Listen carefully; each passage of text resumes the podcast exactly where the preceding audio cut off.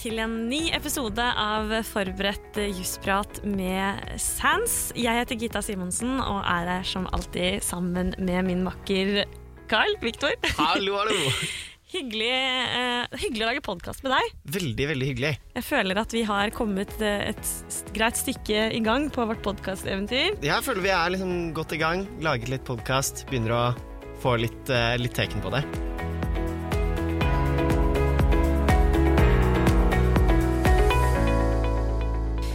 Hele startet jo med to episoder om eh, forvaltningsrett, som det snart er eksamen i. Og eh, da hadde vi med oss Halvdan Melby, som er med i dag også. Ja, hei. Og eh, vi skal lage en tredje episode om forvaltningsrett. Det er snart eksamen for min del, som du sier, eh, og derfor så er jeg gira på å få skikkelig kontroll på det faget her, og det er jeg sikker på at det er mange andre som er også. Vi har jo spurt eh, lytterne våre om de har noen spørsmål som eh, de har lyst til å få svar på før eksamen. Og som jeg sa, så er jo Halvdan med oss igjen for å gi oss eksperttips og råd. Men eh, Halvdan, eh, kanskje du veldig kjapt kan si eh, hvem du er, og eh, hvorfor du er riktig mann for oppgaven. Gjerne. Eh, Jeg heter altså Halvdan Melby og er eh, partner eh, i Sands. eh, Og har vært eh, advokat i 20 år, og før det så var jeg lærer på Universitetet i Bergen. Og eh, hadde da stort sett forvaltningsrett som fag. Og det har jeg stort sett drevet med som advokat også, så, eh, så jeg vet litt grann om hva forvaltningsrett er som er i praksis. Det er helt glimrende. Eh, Vi har jo fått eh, som sagt inn en del spørsmål. Eh, Vi skal ta for oss eh, noen av dem, ikke alle. Eh, Vi har valgt å, selv bort fra de spørsmålene du kan rett og slett lese deg til selv, eh, så håper vi at, eh, at podkasten skal kunne gi deg et eh, ja, bedre inngang til eksamen som straks er rundt hjørnet. Gruer du deg, Karl Jeg gruer meg litt. Ja. Men eh, sånn er det alltid. Vi skal starte denne podkasten med temaet forhåndsbinding. Det er Aleksander som har sendt inn en del eh, spørsmål, og eh, ønsker litt kommentarer eller innspill eh, på noen dommer. Det stemmer, og da er jo den første dommen eh, vi skal se på i dag, er jo Råkollveidommen, rettstidene 1971, side 228. Der hvor Høyesterett sier at det har formodningen mot seg at kommunens representanter kunne stille i utsikt at kommunestyret ville binde seg. Og hva har vi å si om den, Halvdan? Eh, Ja, det er jo en litt sånn eh, altså dette, det, det, disse, disse tre dommene er jo, er jo de er godt valgt, da, for at det viser en ut, utvikling. Og Hvis vi begynner med Råkolvei-dommen, så, så er jo det en dom som er litt vanskelig å forholde seg til. for eh, Der er det et, eh, en kommune som da har gitt et ganske klart uts utsagn, et ganske klart uttrykk, eh, ordføreren som har gitt klart uttrykk for, eh, at eh, kommunen ikke skulle gå inn på en, en privatpersons eiendom for å lage en vei. Og Så går det noen år, eh, 10-20 år, men jeg tror jeg det er. eh, Og så bestemmer kommunen seg for å lage en vei over hans eiendom. Eh, Og Da kommer han med den avtalen, og så sier kommunen at nei, den vil ikke vi forholde oss til. eh, Vi vil legge veien der likevel. eh, Og han går til Høyesterett, og så taper han. Den eh, avtalen gjelder ikke. Eh, og, eh, og, det som, eh, og, og Høyesterett uttaler seg da at, det, altså, dette at det har formodningen mot seg at kommunens representanter kunne stille i utsikt at kommunestyret ville binde seg. Og det er, Der er altså poenget at kommune, altså ordføreren ga nok et ganske klart uttrykk for hva kommunen mente og ville da den inngikk avtalen. Men det som er problemstillingen når saken kommer opp, det er at det skal innmari mye til at kommunen binder sin myndighet på, til å gjøre noe som egentlig er helt, altså går utover det som, eh, det som eh, kommunen, man kan forvente av en kommune. Mm. Dette hadde på en måte ikke noen rasjonell eh, hensikt. Da de inngikk avtalen, så oppnådde de ikke noe ved å inngå denne avtalen. Og når du da befinner deg 20 år etterpå, så er jo den veitraseen som går over denne grunneiendommen, den er den beste. Mener kommunen og mener, eh, mener ja, altså Det er ikke noen grunn til ikke å mene at det er det. Eh, Så at han da på en måte skal, skal verne seg mot å få en vei over eiendommen, som alle andre grunneiere må finne seg i, det liksom, det, det er ikke noen, har ikke noen, eh, har ikke noen eh, naturlig hensikt, rasjonell hensikt. Så det, det er liksom litt av tankegangen som man må ha med seg når man, når man leser den dommen. og er litt sånn, Men den er ikke, altså den er, den er vanskelig fordi at den altså Det Høyesterett sier rimer ikke. Det er veldig urimelig sånn som den avtalen fremstår. altså, og ordføreren har sagt at han, ikke skal, kunne, at man ikke, han ikke skal binde seg. Kan man ikke stole på kommunen? Det er på en måte noe man, man, man tenker når man har lest den dommen. Ja. Da må man se den rette sammenhengen, men blir klarere når man ser på de andre dommene. Ja, og En av disse andre dommene er jo da, hvis vi hopper mm, gode 20 år fram i tid, til rettssiden 1992 side 1235, rederikvotedommen. Hva er det som eh, skjer da?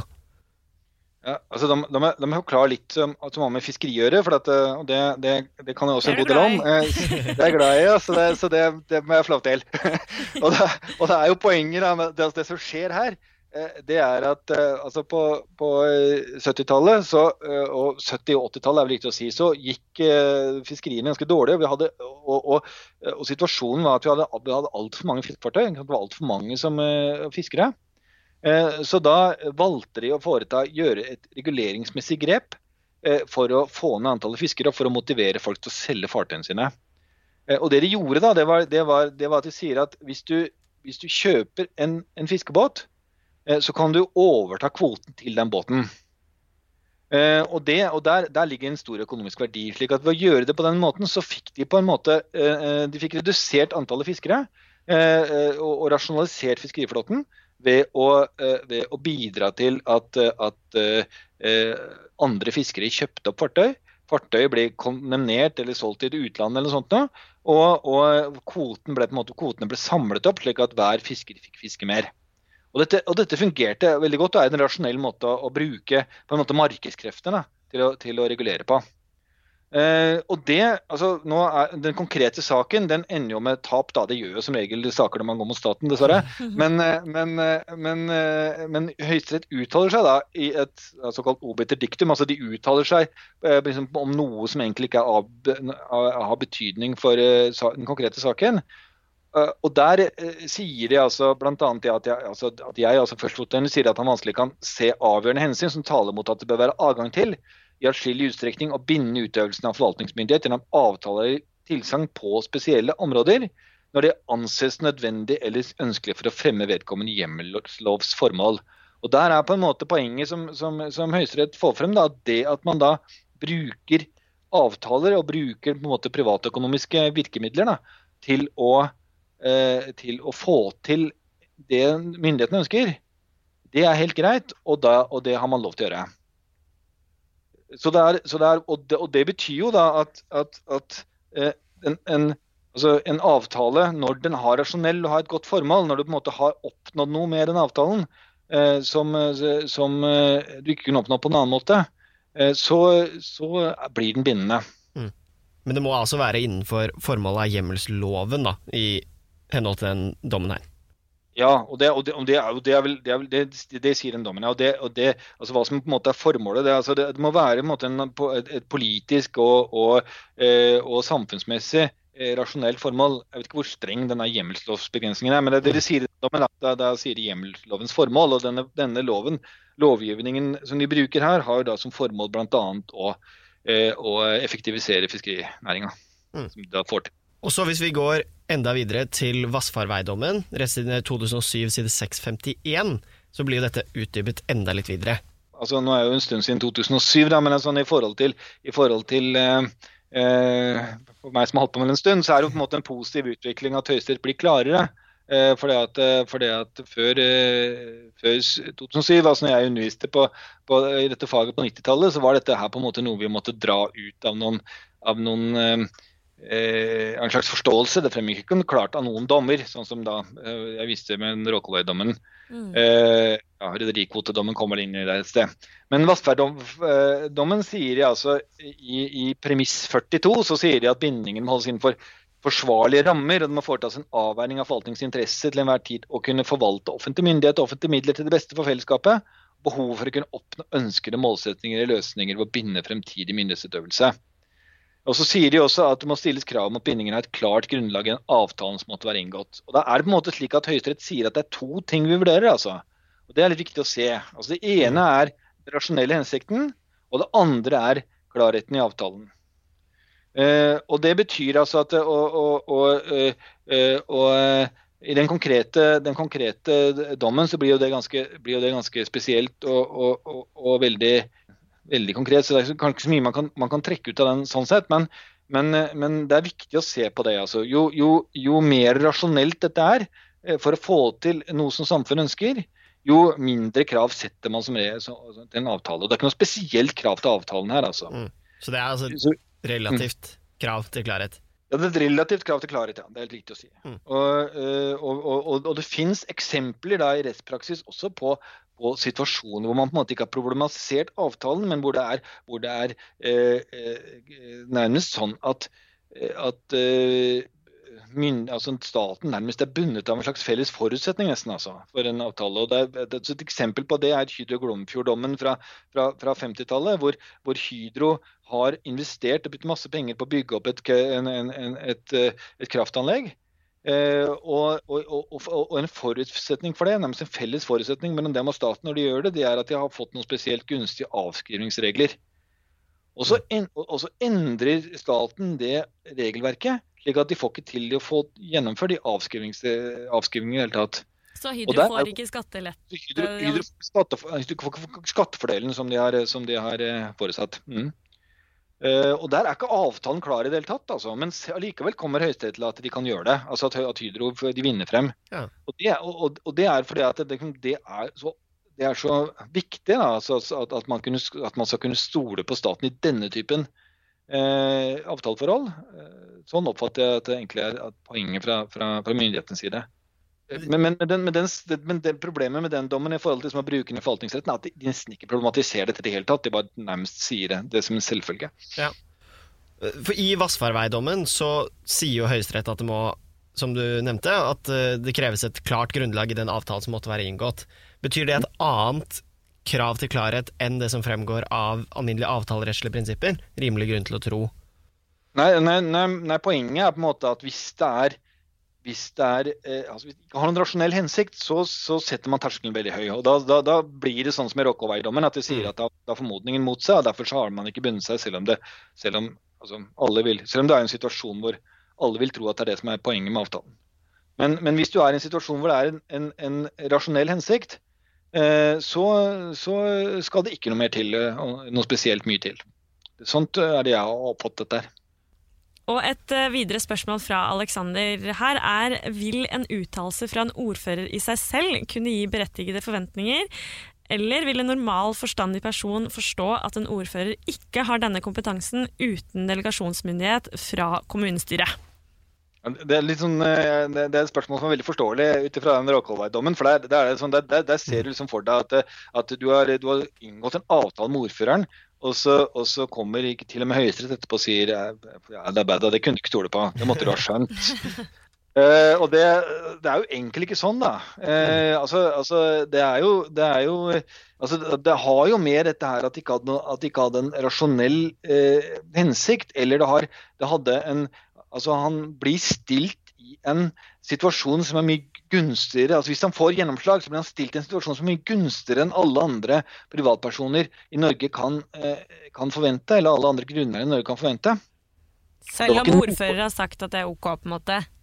Ja, men altså, det, ja, det er det at man kan ikke binde eh, den, den uh, myndigheten sin på forhånd uten at, en, altså, uten at man får en motytelse eh, som uh, man ikke kunne oppnå på en annen måte. Så, så og det, altså den, den, den, den, øh, øh, altså den, klar, klar, den, den dommen som alltid syns det har vært enklest å forklare deg, deg med, det, det, er, det er såkalte Mardøla-dommen, som det er fra tidlig på 70-tallet. Hvor, hvor, situasjonen er at du har, altså Mardøla-utbyggingen var jo da en sånn veldig omstridt kraftbygging. Og den kom i flere, flere runder. Så en gang på 50-tallet så, så kom, den, kom, den, første eller ja, Jeg er ikke sikker på den første, men da kom én utbygging. Og Den innebar at man overførte vannet fra, fra Mardøla til naboområdet, eh, nabodalen. Eh, og, så, eh, og, så, sier, og, det, og da blir det en politisk eh, omstridt, og så sier Stortinget Uh, liksom, som man gjør i en sånn politisk diskusjon, at ja, nå, dette her må jo være, dette er nok. Nå skal vi ikke gjøre mer. Eh, så med, dette, med dette vedtaket, eh, sier Stortinget, så har vi overført så mye vann som vi mener er, mener er riktig. Og så, og så, og så eh, går det eh, 20 år, og så kommer det spørsmål opp på nytt. Eh, og, og, da vurderer man det annerledes. Så da, da, flytter man litt mer vann over eh, til, til naboelven. Og så går de til sak, og så sier de at ja, men dere, dere var jo bundet av det dere sa for 20 år siden. Og Der er det liksom så åpenbart å si at det er jo en politisk prosess. ikke sant? Det er en politisk uttalelse. Myndighetene bruker bare retten sin til å bestemme hvor det skal gjøres kraftutbygginger og hvordan det skal gjøres. Uh, og, og, disse uh, beboerne de får et politisk løfte. Og Det mm. politiske løftet det er ikke spennende. Så det er på en måte, Kan vi si at det er ugyldig, eller? Det er ikke ugyldig, det er, men det er bare det at det betyr ikke altså, det, er ikke, det, er ikke, det, binder ikke på denne måten. Det er derfor jeg kaller det politisk. for det er, liksom, det er helt åpenbart at dette er gjort fordi at eh, man prøver å eh, altså Man hiver, det, hiver, det på som et argument for, for, for å gjøre pillen mer spiselig, eh, politisk sett. Men det er ikke tvil om at staten hadde lov til å gjøre både dette og mer. Mm. Eh, uansett. Så man får ikke noen motytelse, det er poenget. Mm. Staten oppnår ikke noe med dette. Eh, som de ikke kan gjøre bare ved å gjøre vedtak og utøve makten sin. Eh, så det, så det, er egentlig en konsekvens av at staten har makt. altså. Ja. eh, og Skal du inngå en avtale, så må du få et ytelse imot. Ja, Så staten er på en måte vernet mot å inngå lite gunstige avtaler? Ja, men det er vi òg. Hvis du inngår et, et, et gaveløfte litt sånn i, i, i fylla, er det ikke bindende uansett. Men hvis du, hvis du går litt over deg og, og, gir bort noe som er mye mer enn det du, enn det du eh, ville, uten å få noen motytelse, så, så, så, er det jo større mulighet for å fragå det etterpå enn det det vil være hvis du inngår en avtale som er innsidebebyrdende. Så det er, der er staten faktisk ikke noe annen situasjon hos alle, men det er bare det at det er, liksom, det, er liksom det som er spesielt med staten, er det at den har den makten i bunnen. Ja. Og den makten i bunnen, den, den er, liker vi ikke å tenke på. Altså, særlig, og særlig f.eks. For i forhold til privat eiendom. ikke sant? Det er ikke, altså det at det faktisk myndighetene har lov til å gå og ekspropriere noe fra det, er jo ikke noe du tenker på til, til vanlig, men det har de altså. Mm. Det, det syns jeg er litt skremmende, faktisk. Du aner fred og ingen fare. Ligger og soler meg i hagen, og så plutselig kommer det en bulldoser inn og skal legge vei, f.eks. Det, det syns jeg er skremmende, da. Det er ikke optimalt. Du har da krav på full erstatning, så det står i Grunnloven 105, men det er ikke alltid det hjelper så mye. Da. Stor affeksjonsverdi, vet du. Ja. Betyr mye for meg å ligge på en plen. Det skjønner jeg jo. Ok, Da går vi over på litt andre spørsmål som vi har fått inn. Og da har vi fått inn et spørsmål fra Rahman her, som sier at noe som gjør meg helt gæren i dette faget, er at det er så mange konkrete skjønnsmessige vurderinger, men at Høyesterett er så inkonsekvense i rettspraksisen sin at det er nesten umulig å trekke ut retningslinjer for subsumpsjonen på mange områder. Er det forståelig, ja. Halvdan? Ja, jeg forstår det godt. Men uh, altså de, de, Uh, og det er, litt, det er, flere ulike svar på det. Et, et, svar er jo det at det er ikke Høyesterett som ikke er så flinke, det er um, teorien som ikke klarer å få dette helt til. Det er vanskelig å skrive god teori i forvaltningsrett. Mm. Det er også sånn at dette har sammenheng med noe som jeg snakket om i en av de tidligere podkastene.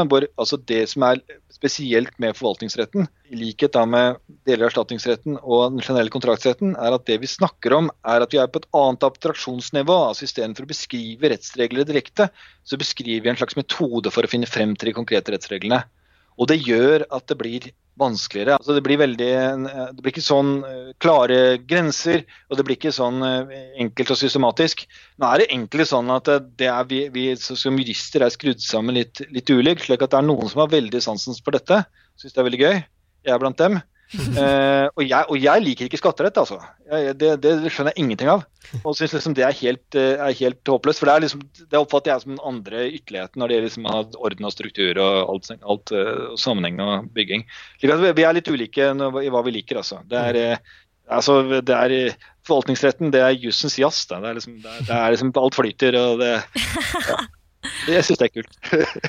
Men man må Men, huske på eh, disse overordnede ja. prinsippene, da, sånn som vi har snakket om tidligere. Det er riktig. Og det er på en måte, det, på en måte det, som liksom er, det er liksom det man må være ute etter hvis man skal forsøke å skjønne de høyesterettsdommene. Eh, det er liksom hvordan Høyesterett tenkt litt mer prinsipielt. Mm. Men det er, det er, for så vidt riktig at av og til så er det sånn at de er ganske dårlige til å uttrykke det, og at det er litt vanskelig å skjønne hva de egentlig mener. Man må gå litt bak det og forsøke å finne ut av hva, det, hva som er det prinsipielle. Eh, og det er jo noe som måte, de har vært kritisert for lenge. Eh, at, eh, og, og Eckhoff skrev i sin, sin eh, i den rettskildelæreboken som vi hadde, at, at Høyesterett burde bli flinkere til å uttrykke seg klart. og Det tror jeg ikke egentlig de har blitt. Av og til, av og til, altså av og til har man gode dommer, av og til har man dommere som ikke helt skjønner hva det er som har foregått. og Så er det også et poeng at Høyesterett på en måte velger å være altså Hvis de er litt usikre på det prinsipielle, så er de, er de, veldig konkrete i sin avgjørelse og blir, eh, altså, sier noe som er veldig klart og enkelt. Og hvis de er, de er mer sikre, så sier de noe mer prinsipielt. Og den der utviklingen av de dommene om forhåndsbinding som vi akkurat vært gjennom, de viser liksom noe med at Høyesterett over tid blir liksom går fra å være veldig konkrete til å bli litt mer trygg på eh, eh, forståelsen. De har diskutert nærmest litt og de har skrevet en del teorier, jeg har sett den, og så blir de føler liksom at de kan, er på tryggere grunn når de sier noe litt mer prinsipielt etter hvert. Og så, mm. og så, får man en sånn utvikling. Eh, så når det fungerer, så kan det være bra, altså. Men, men, men jeg, altså, jeg, skjønner veldig godt den der frustrasjonen, men det er egentlig en frustrasjon som henger sammen med hvordan faget er, og ikke ikke at man selv ikke skjønner noe. eller noe sånt. Det, det er litt viktig å ta med seg selv nå på slutten. Eh, så er det der å være litt frustrert og synes at, at, at eh, forvaltningsrett er komplisert. Altså, det er viktig, det er, det er en god kvalitet. Det bør være der nå. Når du syns det er dritenkelt, så er det litt farlig. Det var som du sa, det må være jussens jazz, var det det? Ja. Det er det der, altså. Så tenk litt på det. De har solgt for jazz, skjønner jeg. Et eh, videre spørsmål her. I enkelte tilfeller kan det være utfordrende å skille utenforliggende hensyn og usaklig forskjellsbehandling fra hverandre. Dersom usaklig forskjellsbehandling skjer når to like tilfeller er behandlet ulikt pga. et usaklig hensyn, er det jo også tatt hensyn til, til noe utenforliggende. Ja, og Det er innmari godt sagt. så Det er et godt spørsmål. Og det er, ikke, det er, ikke, det er, ikke, det er utfordrende fordi at de glir over hverandre. Og Det er på en måte litt av poenget med, den der, med, med den der regler eller med dette abstraksjonsnivået. Det er at, det, at, at, reglene går over hverandre. slik at Det er på en måte ikke grenser. Altså det er ikke sånn at enten er det usaklig forskjellsbehandling eller så er det utforliggende hensyn. Det kan være klart utforliggende hensyn i noen saker, klart usaklig forskjellsbehandling i andre, og så er det noen som ligger midt i, i grensetilfellet. og Rådhushospitsdommen er et typisk eksempel på det siste. Altså I rådshusbiskdommen så er det et utenforliggende hensyn, eh, sånn som Høyesterett finner det. Det er, altså, det er hensyn til disse som ikke fikk organisere seg. Ble trukket inn i en skjenkesak som egentlig skulle eh, dreie seg om hvordan man, eh, man skjenket. Men samtidig så er det altså sånn at grunnen til at den saken er klar og, og, og blir spesiell, det er jo at det er den eneste saken mm. av mange som, som, hvor, det, hvor, det, gis avslag. Slik at, slik at, eh, Det er også et element av usaklig forskjellsbehandling i den saken. Mm. og Det er måte, det som viser at her er det tatt utvelgende hensyn. Så sammenhengen, den, det, det, er, det, er, helt riktig at det der, der er vanskelig å holde fra hverandre.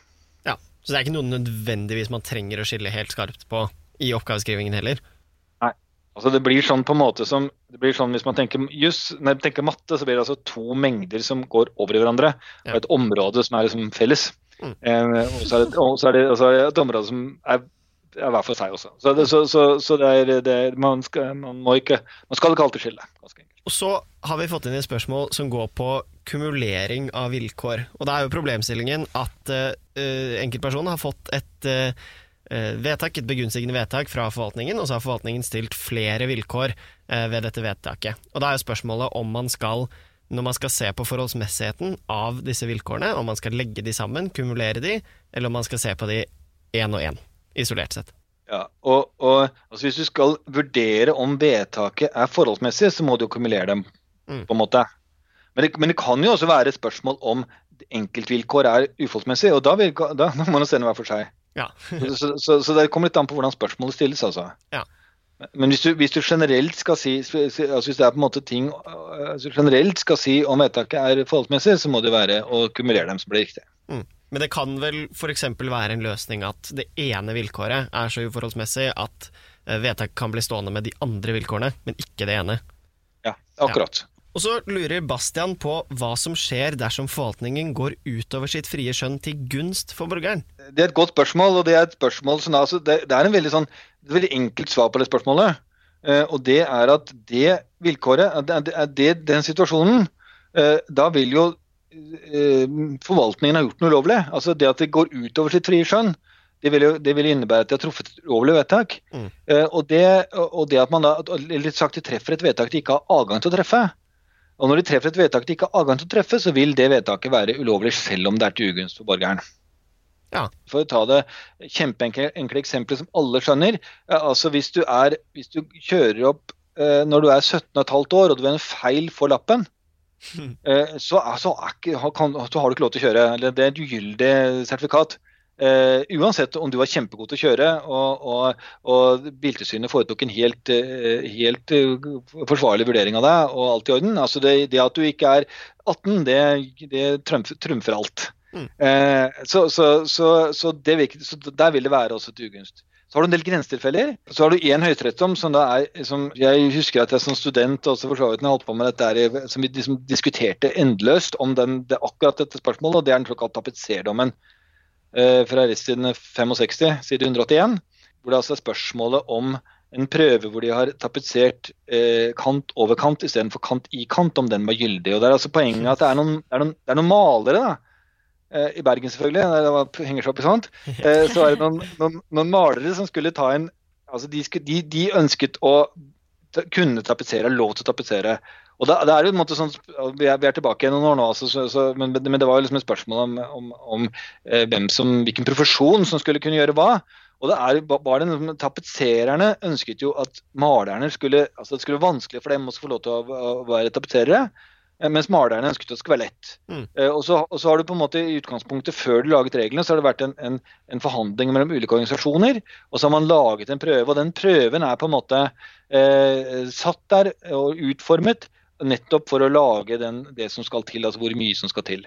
Og så, og så foretar de i Bergen en sånn prøve, og den, der gjør de feil. altså De, de, de prøver dem i, i, kant over kant, mens de skulle prøve dem i kant i kant, tapetsering. Ja. De som har tapetsert, ja, de som har tapetsert vet hva, hva, hva, det betyr. Eh, det er jo okay. noe, med, det er noe med hva slags tapeter du har. Noen tapeter er liksom lagt opp til at du skal ha dem kant over kant, men de fleste tapetene, iallfall når jeg tapetserte mye, det begynner å bli noen år siden det òg, så, så, var det liksom, så, så, var det sånn at det, det var lettere egentlig å tapetsere kant i kant. Men det er en digresjon. Eh, for da kunne de liksom legge tapetet mot hverandre og, og, og innstille. Men den digresjonen. Eh, poenget er at de ble oppfatta som en eh, vanskeligere prøve, lettere prøve da, når de, de foretok det da. Og, og, så har måte, de har blitt godkjent, da, og det går noen år, og så, og så, så kommer, denne, kommer den høyesterettsdommen, og den konkluderer jo da merkelig nok med at disse tapetsererne mister godkjenningen sin. Ja. Eh, og, og, og, da er poenget at du måtte befinne deg i et sånt grensetilfelle. Fordi at dette var en fremforhandlet eh, sak, så oppfattet det som at det kravet var på en måte prøven de skulle prøves i. Eh, de, de, blir prøvd i noe annet. Og selv om de består det, så er ikke det nok. Og selv om det da har vært til gunst for dem, så er det slik at du er på en måte, de er på en måte i samme situasjon som han 17,5-åringen som får mm. sertifikat. Mm. Derfor så blir det ugyldig.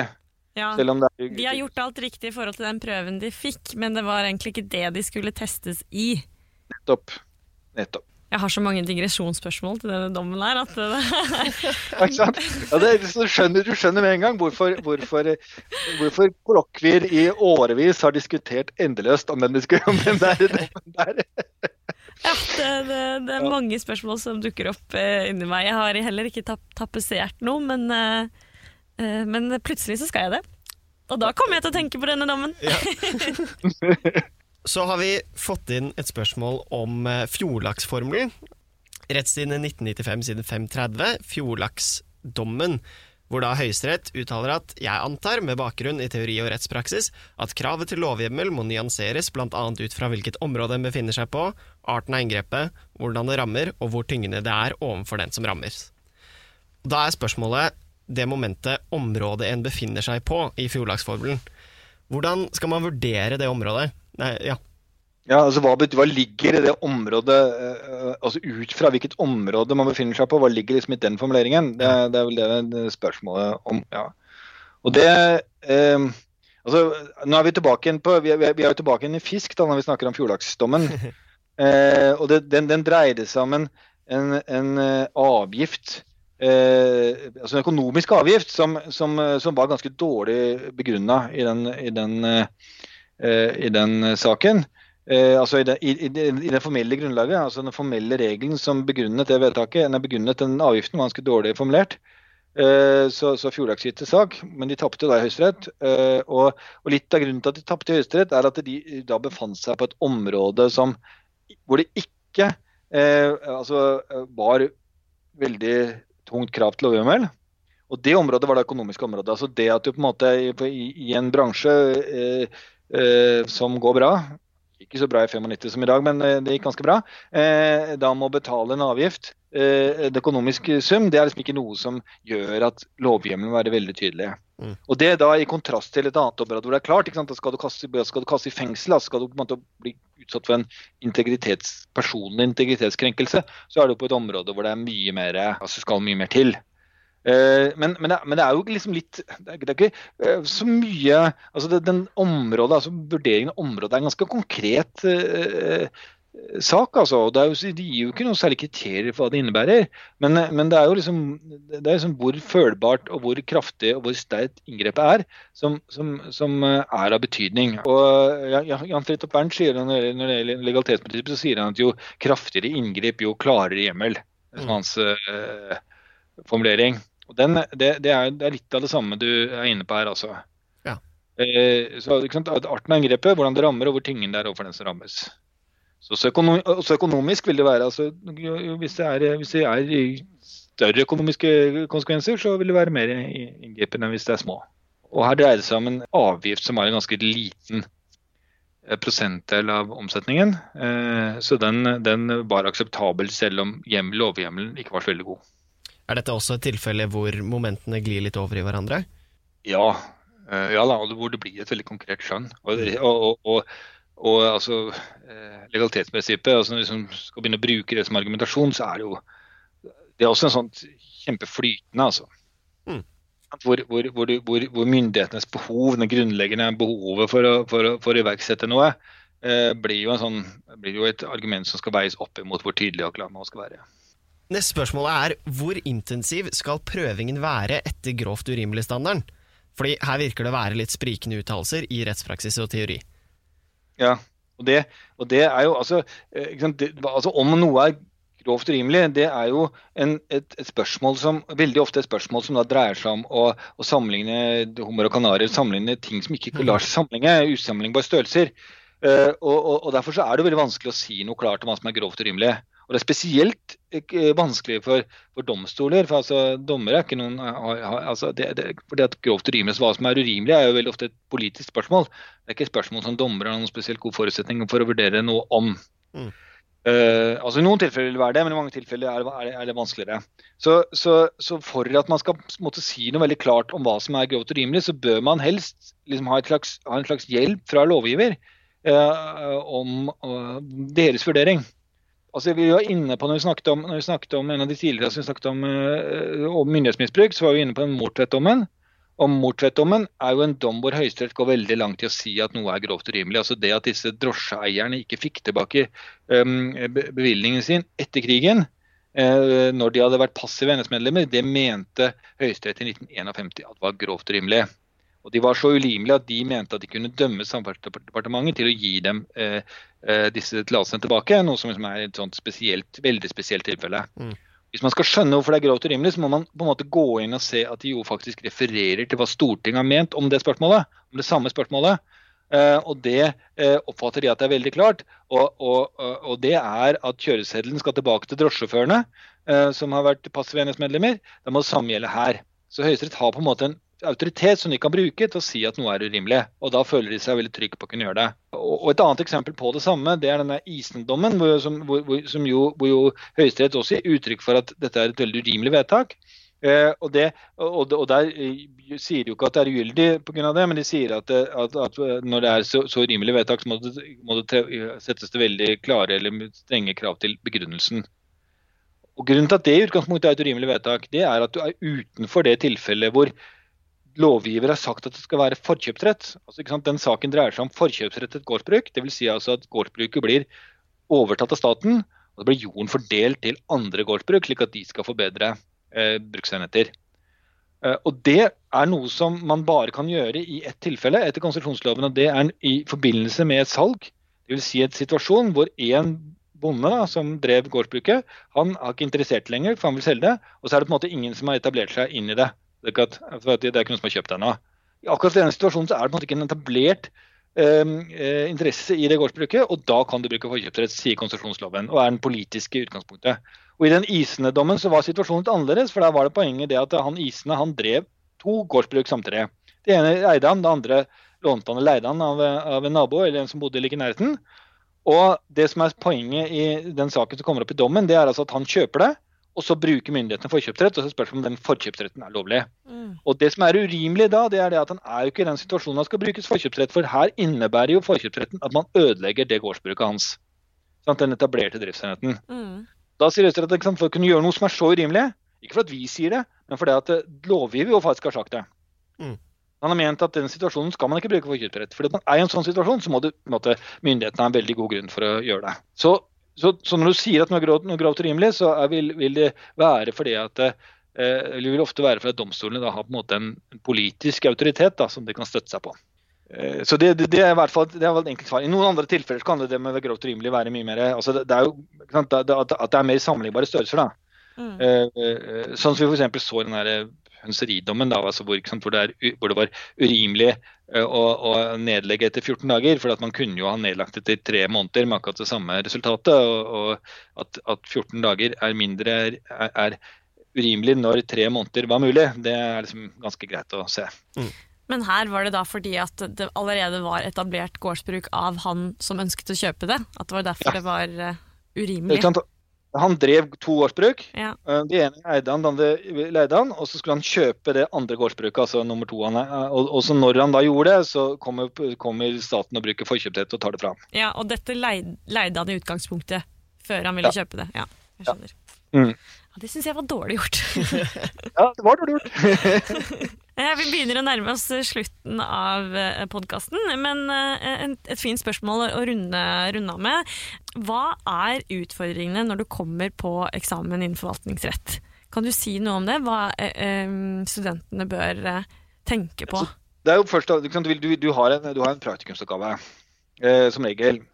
Eh, og, det er jo veldig typisk, det er jo alle oppgaver, men kanskje forvaltningsrett veldig mye mer. At den praktikumsoppgaven den gir jo, den gir masse muligheter. altså. Det er på en måte, den, den gir deg muligheter, i argumenter du skal bruke i en oppgave som du skal skrive som skal bli så bra som mulig. Og Det som er innmari viktig tenker jeg når du skal gå på, gå på eksamen, på forvaltningsrett og alle andre eksamener, det er det at du på en måte gjør den oppgaven til din venn. Det, du skal se muligheten i den oppgaven. Og det er, det er det altså, det du ikke må gjøre, for all del, det er å tenke at her er det en professor eller en eller annen eh, smarting som har sittet og laget den oppgaven, og så har han tenkt at, han tenkt at dette svaret vil jeg ha. Og så gjelder det liksom å komme nærmest mulig det svaret som han som har gitt oppgaven, vil ha. Du nevnte en setning i første episode, tror jeg, hvor du sa noe om at eh, du ikke visste svar Nei, vet Ja, du hva altså- jeg er inne på? Ja, ja altså det, er på en måte, det er på en måte en gyllen regel om oppgavegiving og, og, som er innmari viktig for studenter. og det er at Den som har gitt oppgaven, han vet aldri hva han har spurt om før han har lest svaret.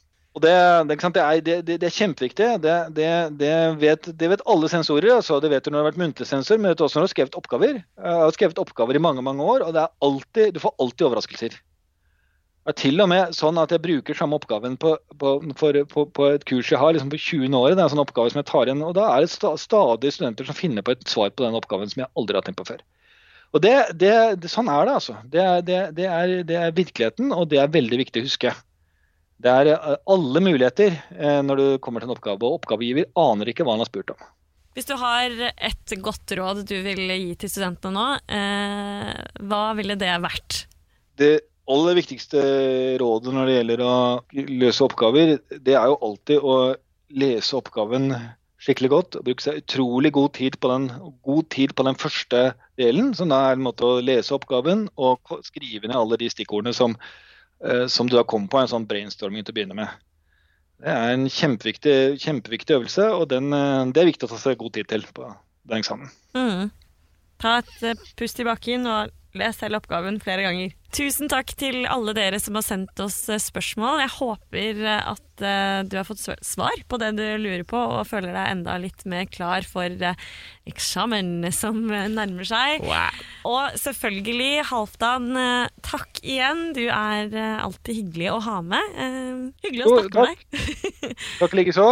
Eh, så jeg må si lykke til til studentene. Håper virkelig at eh, dette her eh, det, det, tar og knuser alle sånne score over karakterer.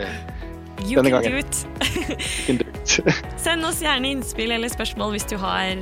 Mailen min er gsi at sans.no. Ha det bra! Ha det bra! ha det bra.